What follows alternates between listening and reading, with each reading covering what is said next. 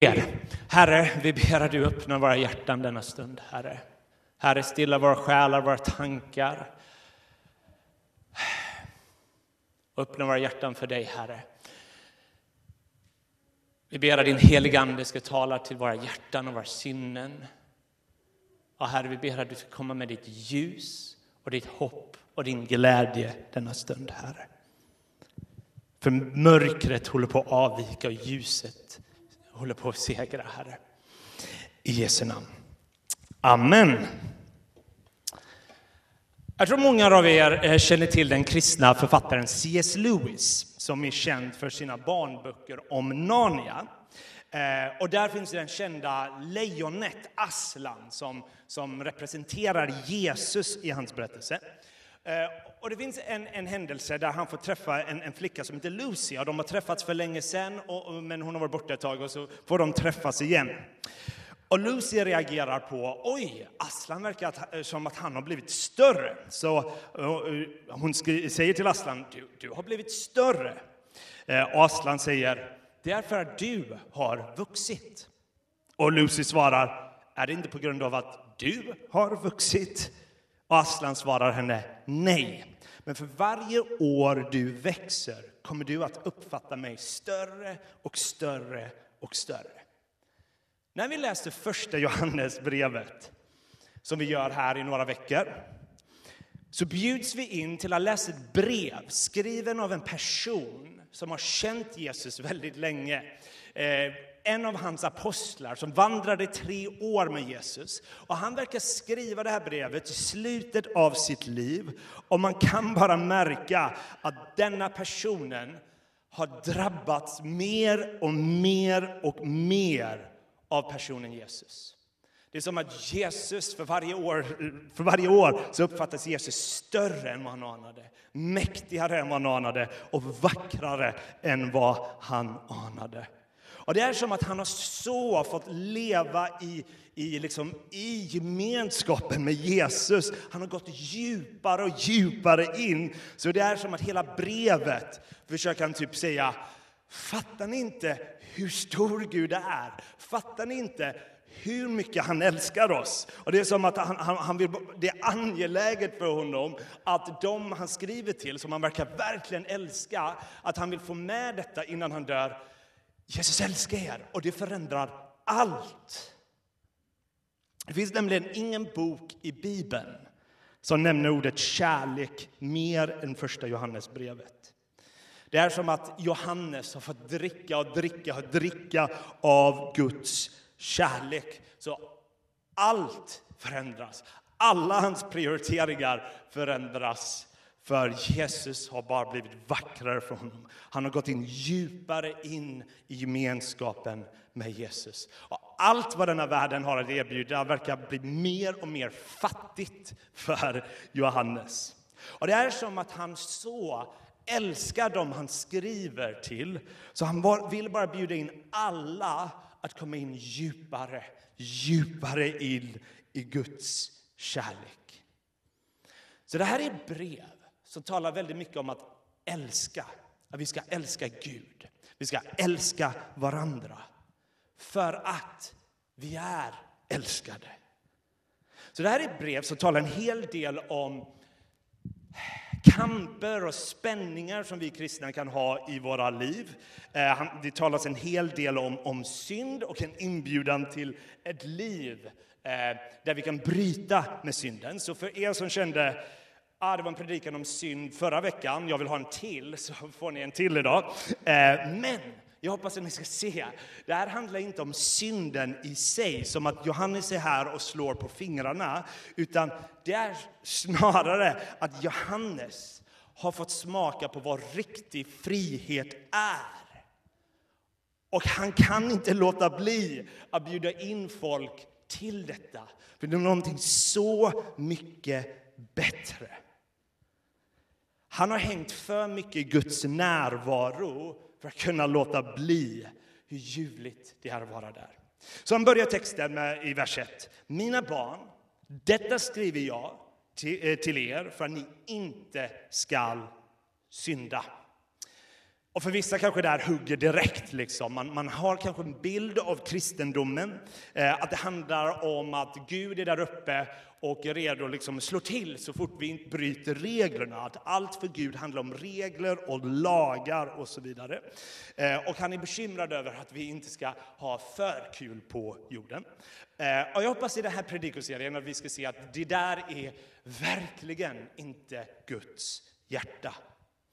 Utan varje gång Gud kallar oss att säga nej till något så är det alltid för han vill att vi ska säga ja till någonting större, någonting mer ljuvligt, någonting bättre.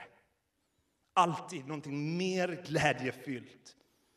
Och han vet att det finns saker i denna världen som vill stjäla vår glädje, vill forma oss efter ett annat rike än Guds rike och Johannes som har bara hängt för mycket i Guds närvaro vill bara säga stopp. Det finns så mycket bättre saker. Så eh, jag, jag, har tre punkter. Första är lite längre, de andra är lite kortare. Så ni, som ni vet när jag gjort första punkten är det inte lika långt kvar. Men det första Johannes säger är att vi har en som för vår talan. I vers 1 så börjar det ju med att det stod ”men om någon syndar”. Eh, och i första anblick kan nästan den frasen låta som att Johannes menar de flesta kristna syndar aldrig, men om undantaget sker att du skulle synda, liksom så här att alla andra kristna är typ syndfria, så vill jag bara säga, det är inte Johannes poäng. På svenska kan det verkligen låta så, men poängen är snarare att eh, när ni möter synd och mörker i era liv, när det sker saker här inom, så vill han ge oss lösningen. Och vad är lösningen? Lösningen är inte att han ger oss sju steg, eh, sju nycklar att eh, göra upp med den här synden för att förbättra ditt liv. Nej, han säger så här. Men om någon syndar har vi en som för vår talan inför Fadern, Jesus Kristus som är rättfärdig. Han är det offer som sonar våra synder, och inte bara våra, utan hela världens. Han börjar inte med att ge goda råd, han kommer med goda nyheter. Jag tror det finns en tendens i oss människor att när det finns eh, trasiga liksom, synd, kanske mörker eller saker med skam inom oss, så har vi en tendens att vi vill täcka dem på något visst sätt. Ehm, eh, det ett, ett, sätt att täcka de här liksom delarna av oss. Eh, och vi gör det på olika sätt. Och i första Mosebok har vi den klassiska berättelsen när Adam och Eva väljer att inte förtrösta på Gud och väljer snarare förtrösta på ormen. Så beskrivs det hur de, de, de fylls av skam. Och när skammen griper tag i dem så har, gör de ett desperat försök att täcka sig själva, sin skam, sin nakenhet med fikonlöv. Som liksom är, är på något sätt ett patetiskt försök att lösa ett problem de inte kan lösa. Och vi människor tror jag inte kommit så mycket längre. Eh, vi, vi kanske själva försöker föra vår talan, hitta olika sätt där vi kan legitimera vad vi gör, eller dölja allt bröster och mörkt som finns i oss. Men Johannes vet att den metoden leder aldrig till frihet, aldrig till befrielse. Om vi brottas med skuldkänslor, med skam, med saker som skaver i våra liv, så är våra försök att täcka dem inte vägen till frihet. Och Johannes vet att det finns frihet. Jag sa innan att Johannes är den i Bibeln som pratar mest om kärlek. Han är även den som pratar mest om ljus. Han pratar väldigt mycket om ljus. Han pratar om att Gud är ljus. Han kallar oss att leva i ljuset. Han kallar oss att vandra i ljuset. Och det är som att Johannes paradoxala lösning till människans problem med skam, med saker man liksom vågar inte ta upp för andra, eh, med synd, med mörker. Hans paradoxala lösning är in i ljuset. In i ljuset. Förra eh, veckan hörde vi i vers 9, kapitel 1, vers 9, där Johannes säger så här. Om vi bekänner våra synder är han trofast och rättfärdig, så han förlåter oss våra synder och renar oss från all orättfärdighet. Vad Johannes säger, sättet eh, för att befrias är inte att dölja det i mörkret, utan det är att bekänna det i ljuset. Framförallt inför Gud. Men jag tror också det är viktigt för människor som vi har förtroende för, att vi kan komma med allt bröstet och felaktigt och, och saker som behöver läkedom inför andra människor. Att, att, att sättet att, att liksom, eh, defy, kommer jag bara på, förakta liksom, eh, eh, eh skam, är genom att bekänna det öppet, tror jag, för någon. Eh, det är där vi trotsar skammen, genom att bekänna i ljuset och frihet börjar ta över. Därmed så kan delar, mörker, trasighet, synd i oss inte kunna få det fotfäste som det hade. För det är inte kvar i mörkret, för ljuset övervinner mörkret. Men texten vi läste idag försöker snarare försöker lyfta upp det här. Lev i ljuset. I ljuset är friheten, för Gud är ljuset. Men i slutändan är det på grund av att vi har någon som för vår talan, stod det i texten. Eh, det grekiska ordet som vi översätter för vår talan, parakletos, det är ett ord som bara Johannes använder. I Johannes evangeliet så beskrivs den helige ande som parakletos och i första Johannesbrevet så är det Jesus. Och det är ett ord som är lite svårt att översätta. Det kan betyda hjälpare, försvarare, eh, någon, någon, ofta något juridiskt, någon som för vår talan. Och det är som Johannes säger, att när saker och ting Eh, när synd och mörker förekommer i vårt liv så säger han bekänn det och var inte rädd. För du har inget att frukta.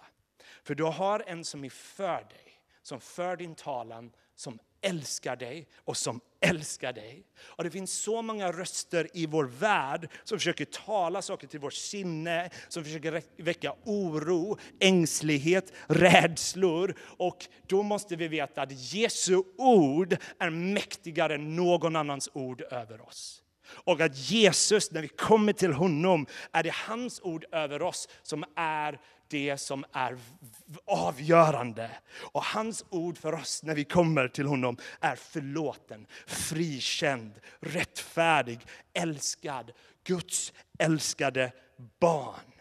Vad Gud säger om oss är det som är avgörande. Jesus har dött för oss och han är så committad till oss att det står att om vi bekänner våra synder är han trofast och rättfärdig så han förlåter våra synder. När man tänker efter så hade man nästan förväntat sig meningen säger tvärtom. På grund av att han är trofast och rättfärdig så borde han fördöma våra synder. Men det står tvärtom. För att han är trofast och rättfärdig så förlåter han våra synder. Och det är för att jag tror att Jesus har så, är så seriös med att han har dött för dig. Han älskar dig så att om du kommer till honom och bara, jag vill ha förlåtelse. Om han inte förlåter dig är det som att han är inte rättfärdig, att han inte är trofast. Så stark är hans löften. Han är en Gud som förlåter. Så Johannes vill först att vi ska blicka på Jesus när vi brottas med saker i våra liv. Vem är Jesus i våra mörkaste stunder? Hur tänker vi kring Jesus i våra mörkaste stunder när vi brottas kanske med skam eller synd? Han är han som för vår talan, som älskar oss och har dött för oss. Och Johannes vet att, att vet, om vi inte vet detta så kommer vi inte växa, för vi kommer inte lita på honom. Men vetskapen av att han är god, han för vår talan, leder till att vi växer. Och det leder till nästa punkt. Johannes bjuder in oss till ett liv i kärlek. I vers 10 står det så här, den som älskar sin broder förblir i ljuset och det finns inget i honom som leder till fall. Men den som hatar sin broder är i mörkret och vandrar i mörkret. Han vet inte vart han går, för mörkret har förblindat hans ögon. Det är som att Johannes har verkligen fattat hur mycket Gud, eller ingen har fattat det, men mer än många andra, fattat hur mycket Gud älskar oss. Så för honom är hat totalt oförenligt med Gud. Hur kan man hata folk när man vet att Gud älskar dem och älskar oss? Och i princip tror jag att alla kan signa upp på det här att kärlek är bra, hat är mindre bra. Ehm, I Bibeln får vi höra om och om igen, vi ska älska varandra, älska varandra. Ehm, och man kan känna, ja, bra idé, men eh, hur? Eh, kärlek är någonting vi beundrar, men hur gör man det? Eh, ibland kan, kan, jag nästan känna bara, ah, det hjälper inte bara att få befallningen, hur, hur, hur blir jag en kärleksfull person? Det är lite som, eh, all, alla som känner mig vet att jag föraktar att bli fotograferad själv. Föraktar kanske lite för starkt ord, men väldigt mycket cringe om någon ska fotografera mig och jag är själv på bilden. Om någon annan är bredvid mig, fine, då känner jag inte eh, att jag ska göra det värsta smilet eller så. Men när jag är själv så liksom, allt är så onaturligt. Och det hjälper inte om en fotograf säger var naturlig. Och då, då är det som om man ska pressa fram när allt är onaturligt och få det att se naturligt och det känns inte naturligt. Och lite så kan man känna ibland när man hör befallningen älska. Men hur gör jag det om jag inte känner den kärleken? Och en bemärkelse är ju svaret att det är omöjligt i egen kraft. Att kärlek, riktig kärlek, är alltid en gåva från Gud. Det är endast genom den helige Ande som de här grejerna kan ske i oss. Allt är en gåva från Gud. Men du kanske säger fair enough. Eh, visst, men betyder det att jag ska sitta ner och vara passiv tills Gud gör de här grejerna? Typ så här. Och, och, och, och nej, det tror jag inte. Och jag tror det finns flera, eh, flera, flera svar kring hur kultiverar vi kärlek eftersom det här är någonting angeläget. Johannes säger hat är gift, fly det. Kärlek är alltid rätta valet. Så, så hur kultiverar det här? Eh, och det här, det här är, liksom, är långt från ett heltäckande svar jag kommer ge här idag, men bara några riktningar. Först tror jag att kärlek är någonting vi kan lära oss med kraften av den helige Ande. Jag tror vi tänker ofta att kärlek är en känsla. Jag tror att kärlek känslor inkluderas i kärlek, så jag vill inte liksom, eh, hoppa över andra diket och säga att kärlek inte har någonting med känslor att göra.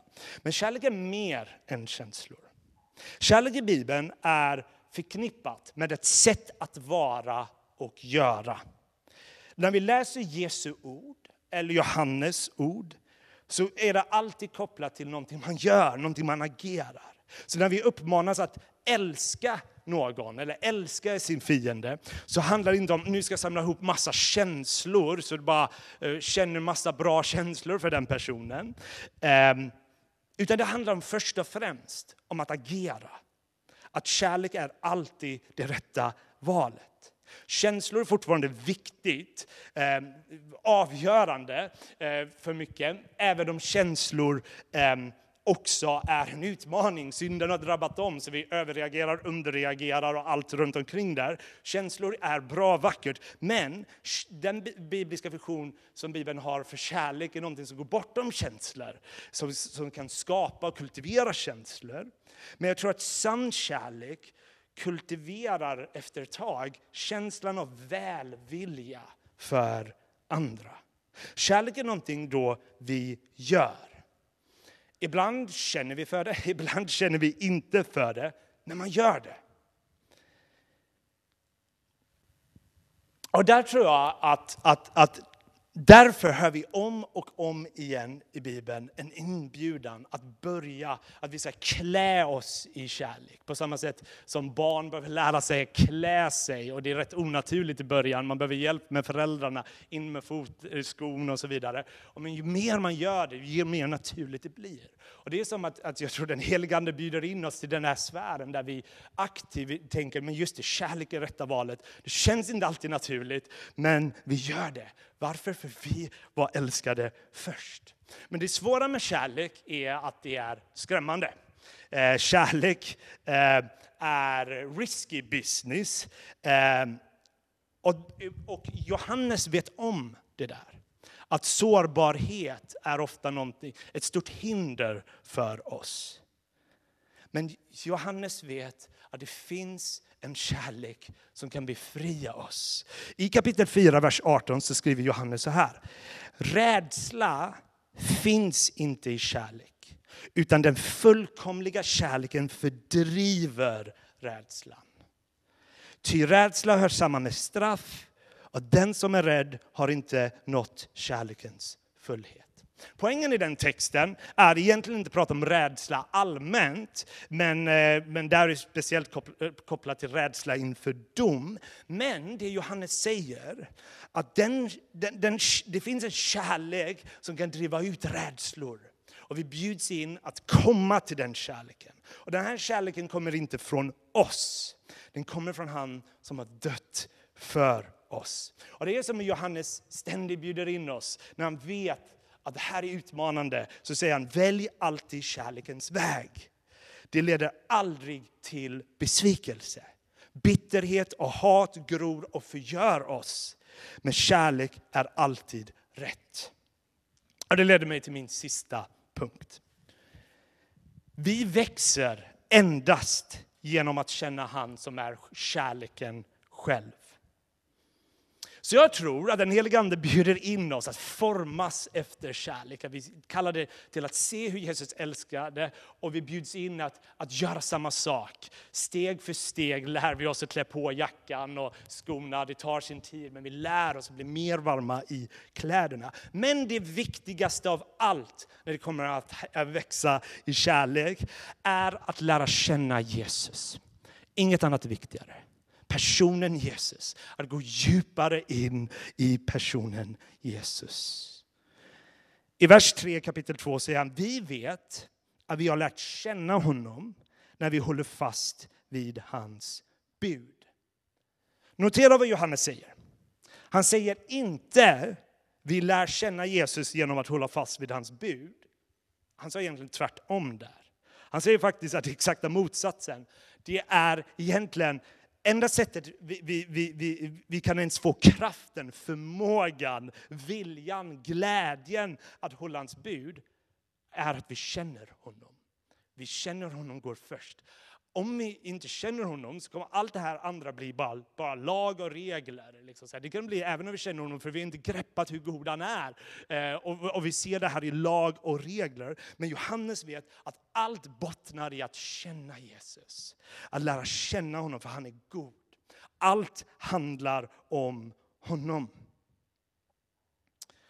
Och det tror jag är viktigt, för om det finns saker i ditt liv som du känner, ah, nu Joel blir jag bara påmind, jag har alla de här grejerna to do, den här listan av, av saker att göra upp med mitt liv. Och om, om den, de tankarna triggas när jag talar, så, så, så, så är min inbjudan inte, tänk inte på listan, tänk på Jesus, gå till honom. För det är först när vi bara går in i hans kärlek, tar del av honom, som allt annat förändras.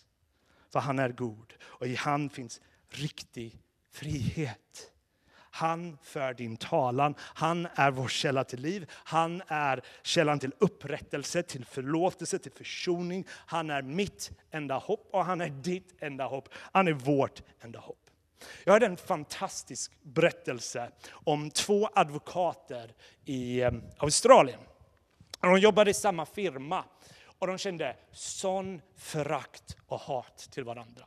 Eh, så länge de hade arbetat. Men plötsligt en dag så, så kom en av dem till tro. Han fick lära känna Jesus och blev drabbad av Jesu kärlek. Så han, så han gick till sin pastor och berättade, liksom, jag, jag har haft det här föraktet för honom. Det känns inte längre bra. Liksom, så här. Eh, jag vet inte riktigt vad jag ska göra med detta. Och pastorn sa, ska inte du gå till honom, förlåta honom, äh, be om förlåtelse och säga att du älskar honom? Han bara, va? Det kan jag inte göra.